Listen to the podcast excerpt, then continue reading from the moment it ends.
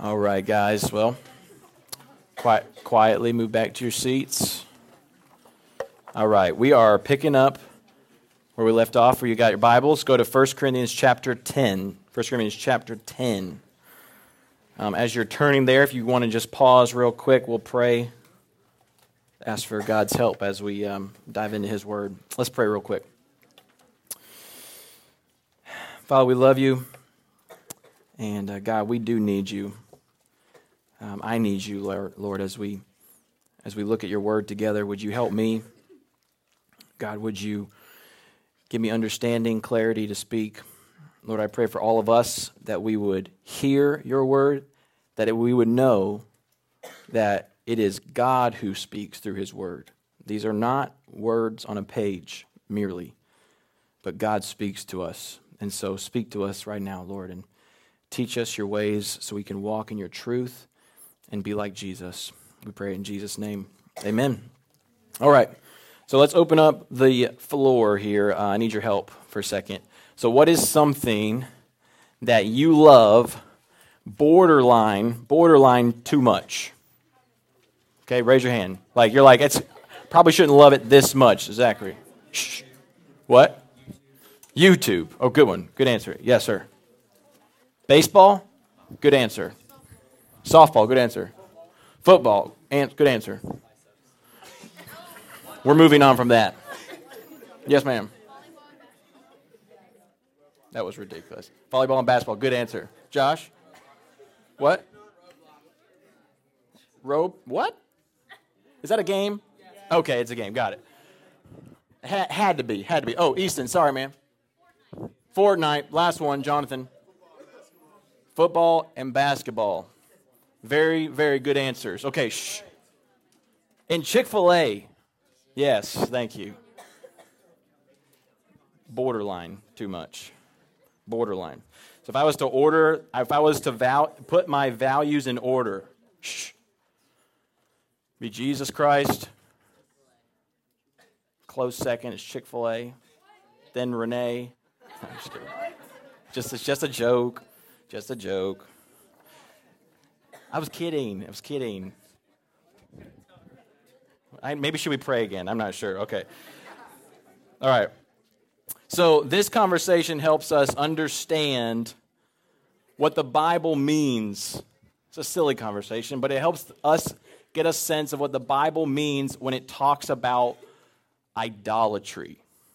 Okay?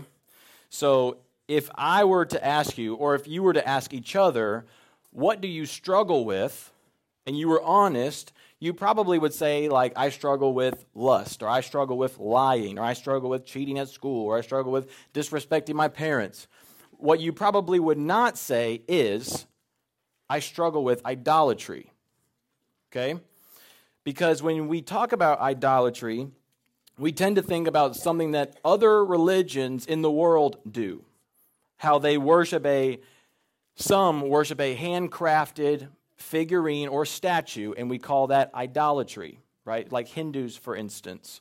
But that is not merely what idolatry is. That is a form of idolatry, but that is not inherently the heart of what idolatry is. Because idolatry is a matter of a person's heart. Idolatry is the sin beneath every other sin that you commit. Okay? So we are all by natures, we are all by nature idolaters. That is, as sinners, that is what we are. If we are sinners, then we are by nature idolaters. And you may not think in terms like that, but that is what we do every single time we commit a sin against God. We commit idolatry. So, what is, if we were going to define it, what is it? What is idolatry? How do we define it? And then, how do we kill our idolatry, destroy it, so that we can live our lives for the glory of God. And what does that even mean? What does the glory of God even mean? So, all of those questions are going to be answered, I hope, from 1 Corinthians chapter 10. So, we're going to see our main truth tonight as we walk through is simple. The main truth is run from idolatry so that you will live for the glory of God. Run from idolatry so that you will live for the glory of God. Our text is going to show us four things it's going to show us a command, a warning, a promise, and the goal of life. So before we read, before we dive in, I want you to remember what the church in Corinth, if you've been here, what the church in Corinth is going through at this moment when we meet them here. So the last three chapters, two chapters, Paul has been addressing them about this overarching concept of idolatry. Specifically, if you remember, they were eating food offered to idols. Do you remember that when we had that conversation two weeks ago? All right.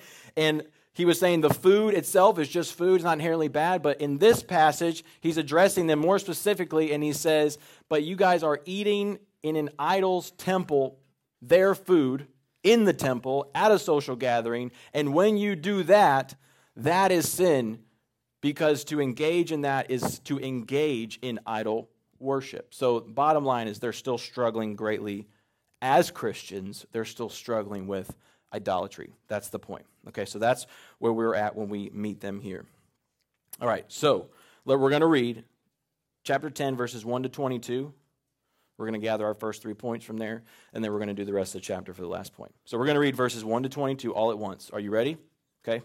I'll read it. You follow along in your Bibles and on the screen. It says this For I do not want you to be unaware, brothers, that our fathers were all under the cloud and all passed through the sea. He's talking about the Israelites, okay, in the Old Testament, just so you know. They all passed through the sea, that's the Red Sea, and all were baptized into Moses in the cloud and in the sea. They all ate the same spiritual food and all ate the drink all ate and drank the same spiritual drink, for they they drank from the spiritual rock that followed them, the rock was Christ. Nevertheless, with most of them, God was not pleased, for they were overthrown in the wilderness. Now, these things took place as examples for us that we might not desire evil as they did. Do not be idolaters. There you go. Circle that. As some of them were, as it is written, the people sat down to eat and drink and rose up to play. We must not indulge in sexual immorality, as some of them did and 23,000 fell in a single day. We must not put Christ to the test, as some of them did, and were destroyed by serpents. Yes, they were destroyed by snakes. Nor grumble, as some of them did, and were destroyed by the destroyer. Now, these things happened to them as an example, but they were written down for our instruction, on whom the end of the ages has come. Therefore, let anyone who thinks he stand take heed lest he fall. No temptation has overtaken you that is not common to man. God is faithful, and he will not let you be tempted beyond your ability. But with the temptation, he will always provide the way of escape that you may be able to endure it. Therefore, my beloved, flee from idolatry. There it is again. Circle that. I speak as to sensible people. Judge for yourselves what I say. The cup of blessing that we bless, is it not a participation in the blood of Christ? The bread that we break, is it not a participation in the body of Christ? He's talking about the Lord's Supper. Because there is one bread, we who are many are one body, for we partake of the one bread. Consider the people of Israel. Are not those who eat the sacrifices, he's talking about in the temple, temple worship, idol worship, those who eat the sacrifices, are they not participants in the altar? What do I imply then? That food offered to idols is anything, or that an idol is anything? No, I imply that what pagans sacrifice, they offered to demons and not to God. I do not want you to be participants with demons.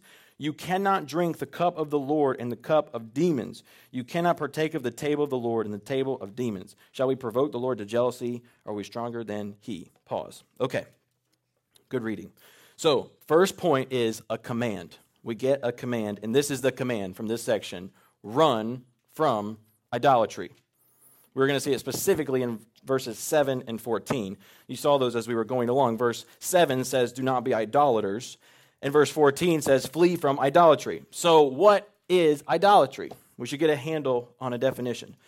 So, if, you if you're here on Sundays, we do this thing called uh, catechism, and we do a question every week. It's uh, biblical truth every week. We drill into our hearts. So, three weeks ago, we had What is idolatry? And their definition is wonderful. It says this to trust in created things rather than the Creator.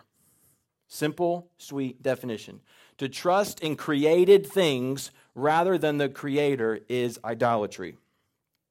Romans 125 is the best, I think, the best um, understanding of idolatry, and it says this that they exchanged God's truth for a lie, and they worship and serve creature rather than creator who is blessed forever.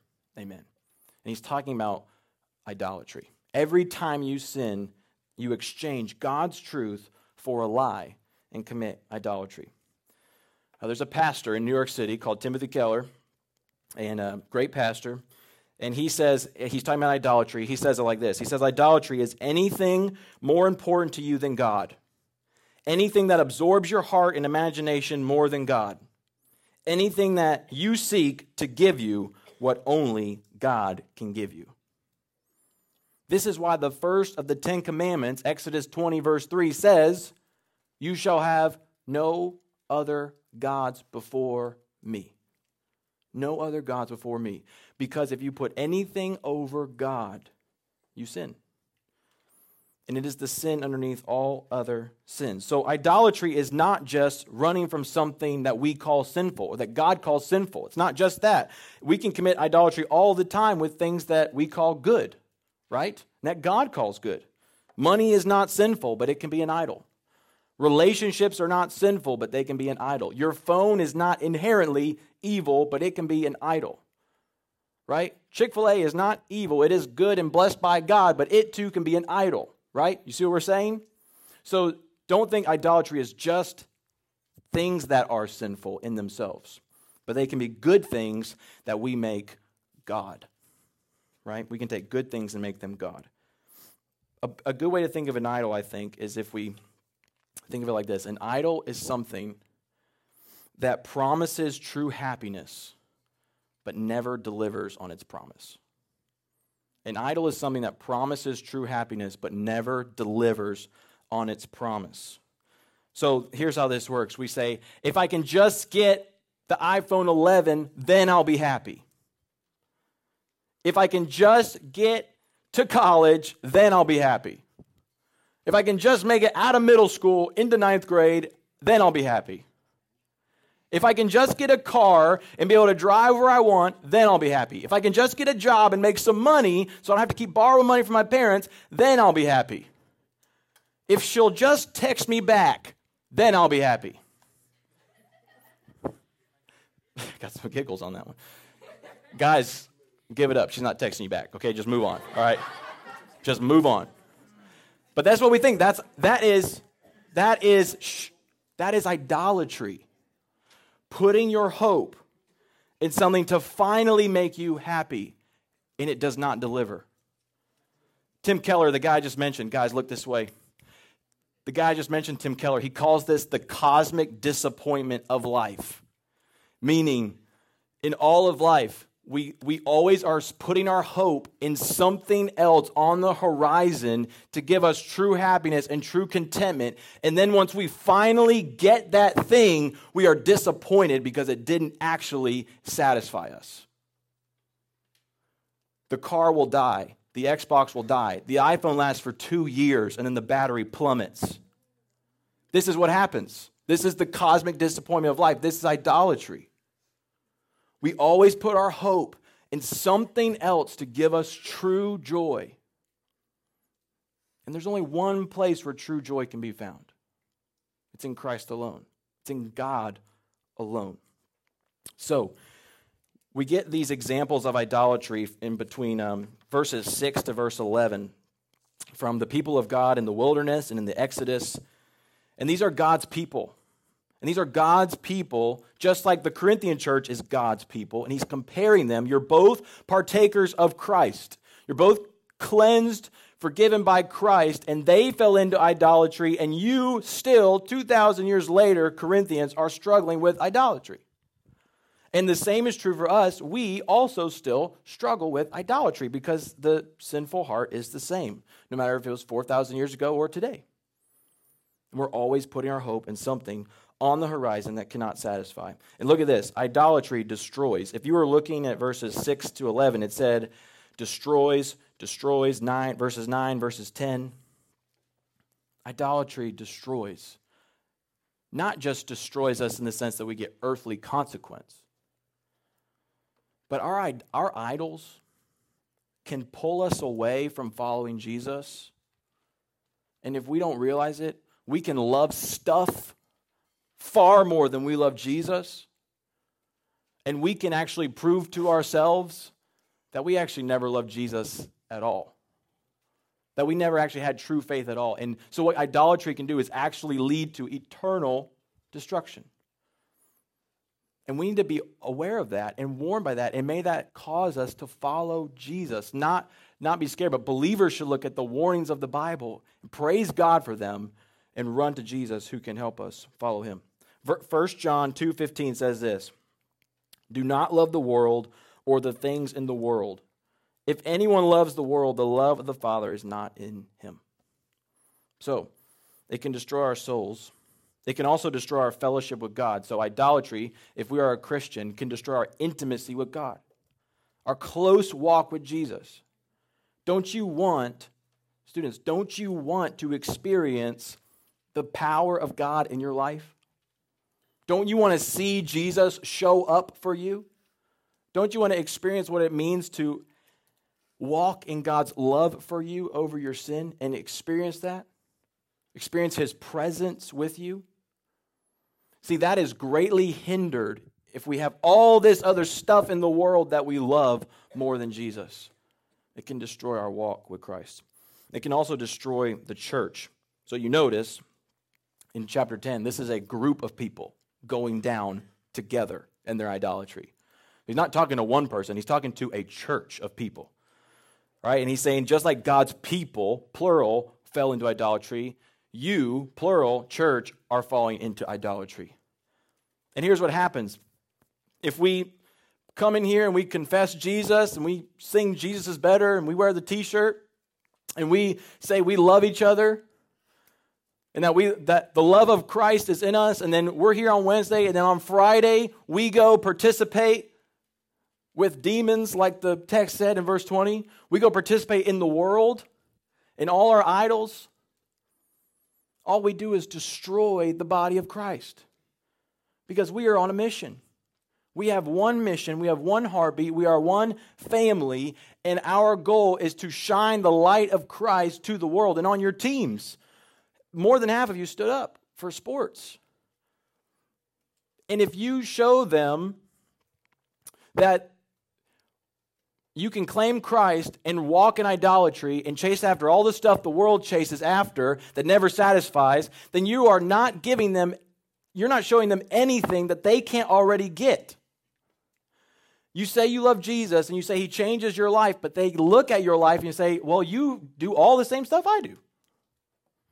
We need to show them that there is a person who satisfies in a way that no one or nothing can satisfy their souls.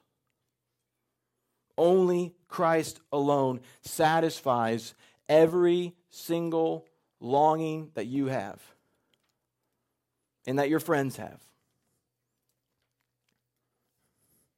So let me ask you what is your idol? Is it your phone? It is for me.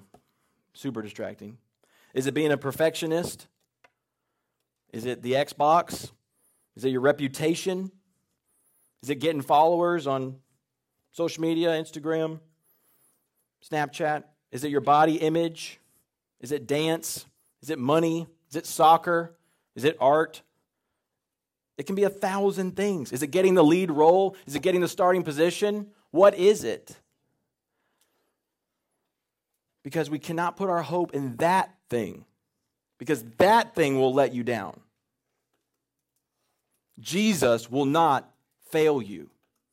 That thing will eventually fail you. And it wants to destroy you. So ask yourself this. If you're like, I don't really know, I don't really know what my idol is. So ask yourself two questions. One, what competes with your love for Jesus? If you're a Christian, what competes with your love for Jesus? Maybe a simpler way to put it is what keeps you from your Bible? That's a good litmus test. What keeps you from your Bible? What competes with your love for Jesus? Another way to figure out what our idol is is ask yourself, what produces frustration in me when it doesn't go my way? What produces frustration when I don't get that thing? And in that thing, you find your idol. The thing that keeps you from Jesus, there you found your idol. We need to recognize these things. We need to flee from them because Satan wants to kill you. Did everyone hear what I just said? He wants to destroy you. He could care less about you. You need to hear that. The person that dangles your temptations in front of you hates you and your family. So do not think that giving into idolatry is cool or loving the world and the world's stuff is cool because Satan wants to destroy your love for Jesus because he knows that Jesus is the only one who can save you and give you true joy, true love, true purpose, and true meaning in your life. Flee from idolatry. Figure out, ask Jesus to help you understand what it is that is an idol in your life, and we all have idols and then run from those things. Flee from those things and run to the gracious arms of Christ. Okay, so a command. Second, we have a warning. A warning. Our warning is this when you think you are strong, watch out. This is point number two. When you think you are strong, watch out. So let's look at verse 12. Therefore, let anyone who thinks that he stand take heed lest he fall. So, because of the destruction of idolatry and the danger of idolatry, we need to take heed. What does take heed mean? It means watch out.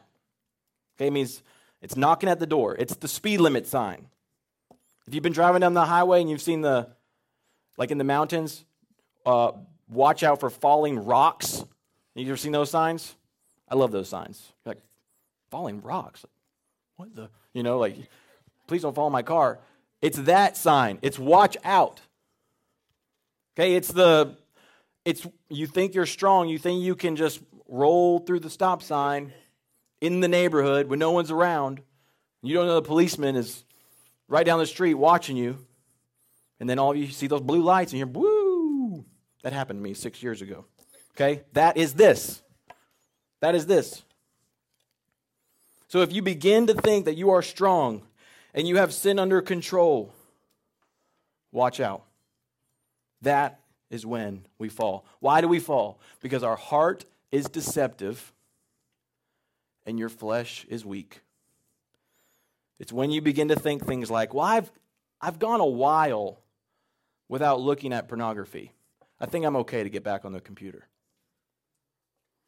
I've gone a while without comparing myself to the other girls at school. I think I'm cool to scroll through their photos on Instagram. It's that.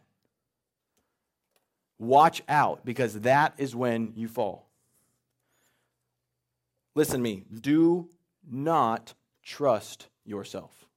Do not trust yourself. Jesus says it like this Matthew 26, 41. The spirit is willing, but the flesh is weak. We have a willing spirit. We're all we're willing all day long to obey, but our flesh is so weak. So weak. Paul says it like this I know that not, uh, Romans 7 18, I know nothing good dwells in me that is in my flesh. Nothing good is in here.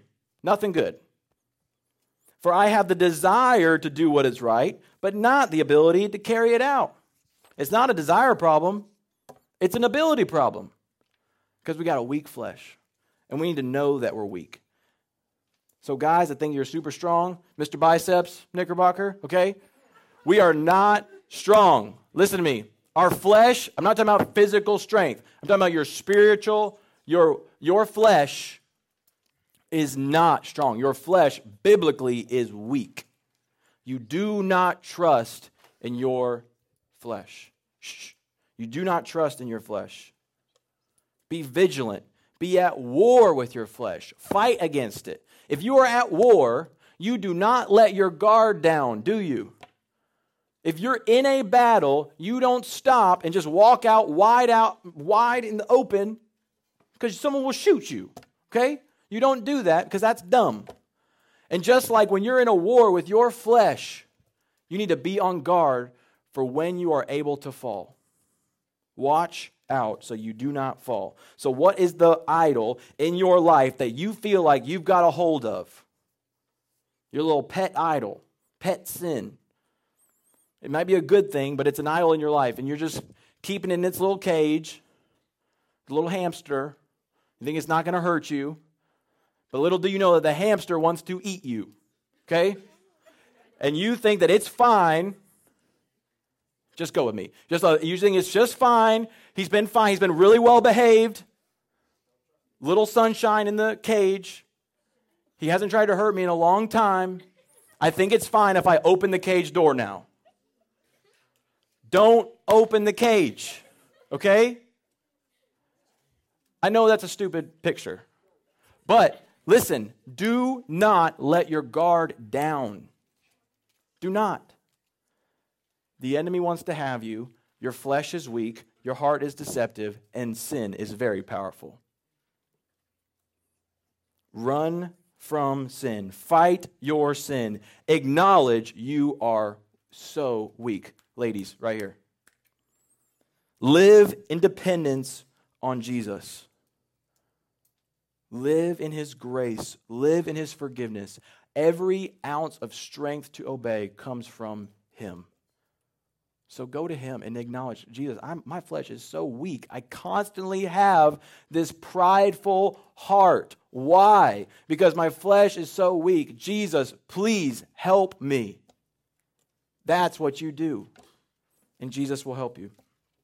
Fight your sin. Third, we have a promise. Third point God will provide all you need to resist temptation. Verse 13 God will provide all you need to resist temptation. No temptation has overtaken you that is not common to man. God is faithful, and he will not let you be tempted beyond your ability. But with the temptation, he will also provide a way of escape that you may be able to endure it. So, this promise is that when you feel temptation, God has provided an escape. Okay, the promise is threefold. First, did you notice your temptation is common? The first part of the verse no temptation has overtaken you. That is not common to man. Here's what this means is that you are not alone. That your struggle is not unique to you. Because 4,000 years ago they were struggling with it, 2,000 years ago they were struggling with it, and now we're still struggling with it. So it's common to, to, to man, it's common to everyone.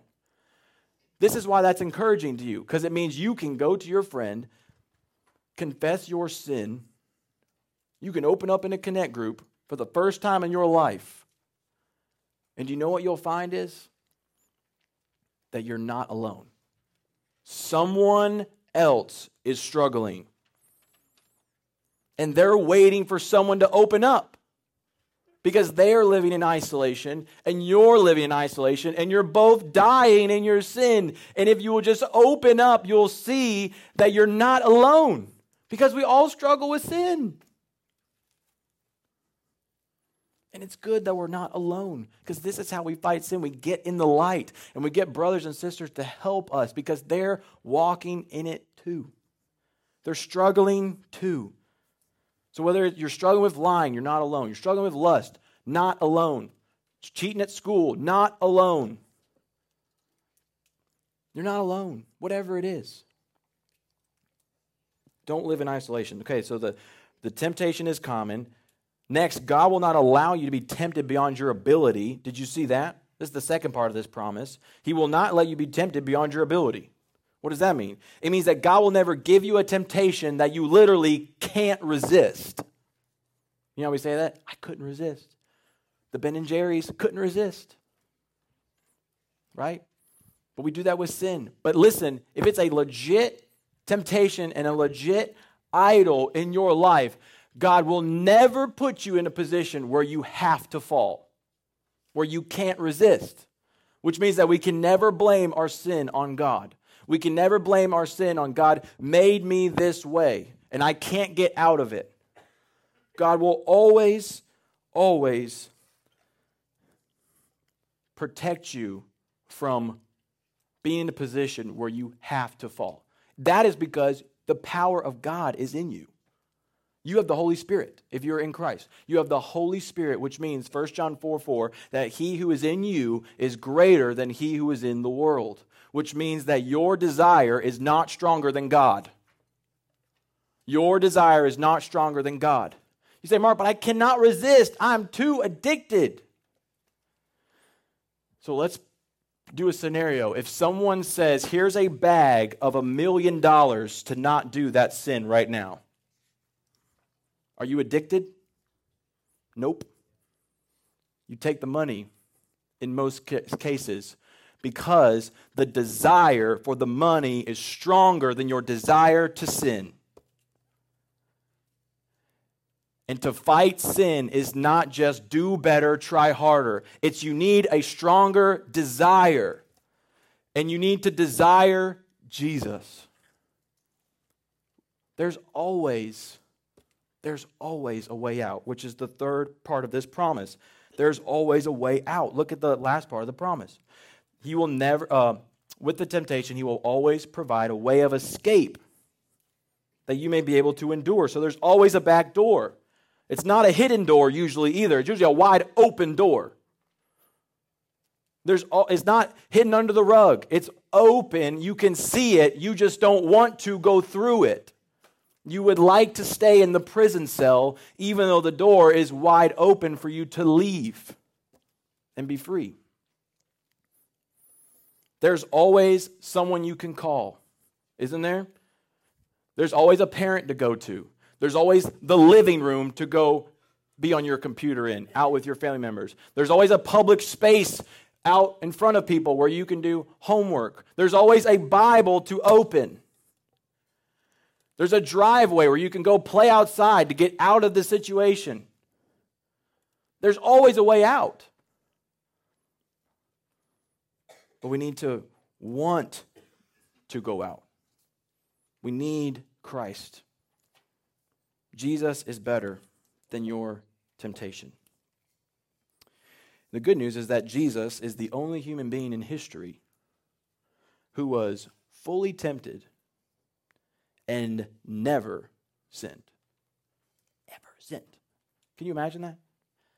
Jesus never sinned. He never had one moment of a lustful thought. Not one. Never had one prideful moment. He was tempted, Hebrews says, all the way to the point of shedding his blood for you. I don't know about you, but I've never been I've never resisted temptation to the point where I actually shed blood. Jesus resisted temptation all the way to the cross. And that's good news for you because it means that there's only one person that is actually qualified to help you fight sin. Because there's only one person in the world who has actually fully resisted temptation. So he's the only one qualified to help you resist. He's the only one that knows how. And we have a Savior who is tempted like us, lived like us, which means that you have a God. Look at me. You can stop writing for a moment. Jesus is a Savior who understands your struggle. Everybody just hear me? Jesus understands. He's not far. He's not in a distance. He's not looking down from heaven, laughing at you struggle, wishing you would do better, regretting saving you. He loves you. And He is for you, not against you. And He gets everything that you go through because we have a Savior who is fully God and fully man. And it's good that Jesus is fully man too. Because he's able to save us and help us escape when tempted. Do you know this Jesus? This is the Jesus that we serve. Resist the devil, God will provide a way out. Believe Jesus and believe his promise and run to him when you are tempted to resist. Last thing is the goal. This is number four. Point four the goal. The goal is do everything for the glory of God. I want to read verses 23 to the end real quick. All things are lawful, but not all things are helpful. All things are lawful, but not all things build up. No one, let no one seek his own good, but the good of his neighbor. Eat whatever is sold in the meat market without raising any question on the ground of conscience. This is in reference to chapter 8, food offered to idols. For the earth is the Lord's and the fullness thereof. If one of the unbelievers invites you to dinner and you're disposed to go, eat whatever is sold, put before you without raising question on the ground of conscience. But if someone says to you, This has been offered in sacrifice, then do not eat it for the sake of the one who informed you, and for the sake of conscience. I do not mean your conscience, but his conscience. For why should my liberty be determined by someone else's conscience? If I partake with thankfulness, why am I denounced because of that for which I gave thanks? Here you go, verse 31. So whether we eat or drink or whatever you do, that's an all encompassing Whatever you do, do all to the glory of God. Give no offense to Jews or Greeks or to the church of God, just as I try to please everyone in everything I do, not seeking my own advantage, but that of many, that they may be saved. Be imitators of me as I am of Christ. The center of this section is that verse 31 whatever you do, do it all to the glory of God. Did you notice that the other three points were a promise, a warning, a command, and this one was a the, the goal. Because this is not the goal of this chapter. Do everything to the glory of God is the goal of all creation.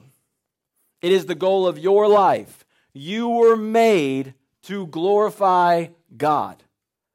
You were saved to the praise of his glory Ephesians 1 says. Romans 11 36 says, From him and through him and to him are all things, to him be glory. It is the goal of everything. So, if it's the goal of everything, if it's the goal of your sports team and your classes and your clubs, then what does that mean to give glory to God? Does that mean I just say, I ate my chicken to the glory of God? Like at the end of every sentence? No, not necessarily. To glorify God means to show God to be as great as he actually is. It means to show God to be as enjoyable, as important, as valuable as he really is. That your life is to magnify God. Magnify God, not magnify like a microscope, magnify like a telescope. So if you remember science, which you had yesterday, if you look at a microscope, you take something that's super small and it make it appear bigger than it actually is. Yes? Okay. If you look through a telescope, you take you look at something that's actually massive to get a better glimpse of how massive it really is. Does that make sense? We are telescopes for God's glory. We are living pictures to show people, get them a glimpse of how great God actually is. And your whole life is for that one purpose. Why is your whole life for that one purpose? Because when God is glorified, people get their greatest joy. God is for your joy, not against your joy.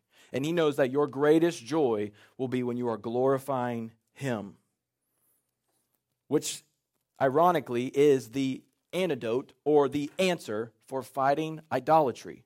Because if idolatry is trading God's glory or God's truth for something else, that means that at every moment when you're not glorifying God, you are committing idolatry.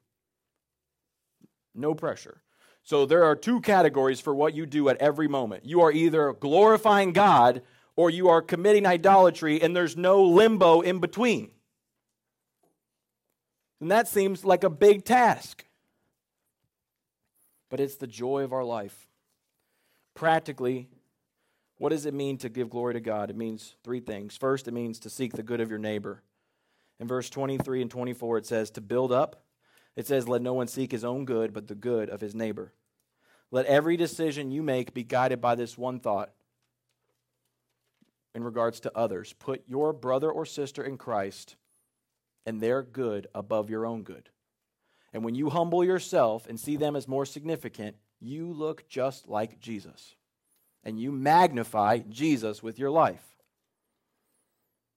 The second thing that it means to practically live for the glory of God is to point people to the Savior. So in verse 33, it says, Just as I try to please everyone in everything that I do, not seeking my own advantage, but that of many, that they may be saved. We talked about this last week. When you build your life around seeing every opportunity as a way to win people to Jesus, that glorifies God.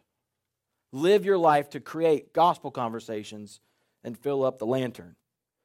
Position yourself by the lost kid in school. Third, imitate Christ. Be imitators of me. That's 11:1. Be imitators of me as I am of Christ. If you are seeking to be like Jesus, you are showing that Jesus is worth following. Have you ever thought about that? When you are like Jesus, what you are showing the world is that Jesus is worth following because we follow the people that we love the most. We imitate the people we love the most. You dress like them, you talk like them when you respect them. Same is true with Jesus. When you imitate Jesus, you are showing the world that Jesus is better and that he's worth giving up everything for. That's how we live lives for the glory of God. So, do you glorify God? Do you live in this way? What idols do you have that are keeping you from glorifying God? Because if you have no desire to glorify God, if you have no desire to glorify God, you may not be a Christian. If that is not on your radar, living to magnify Jesus with your life, it's not on your radar, never been on your radar, you don't have any desire to do it, you are not a believer in Jesus. Because when the gospel comes into your heart, Jesus changes you. The gospel cannot leave someone unchanged. You don't just say, I'd like to follow Jesus, and then nothing changes.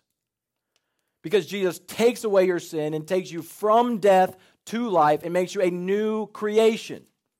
He changes you so that you will live as you were made to live, which is for the glory of God, doing what you were designed to do. If you made something, you would design it with a purpose.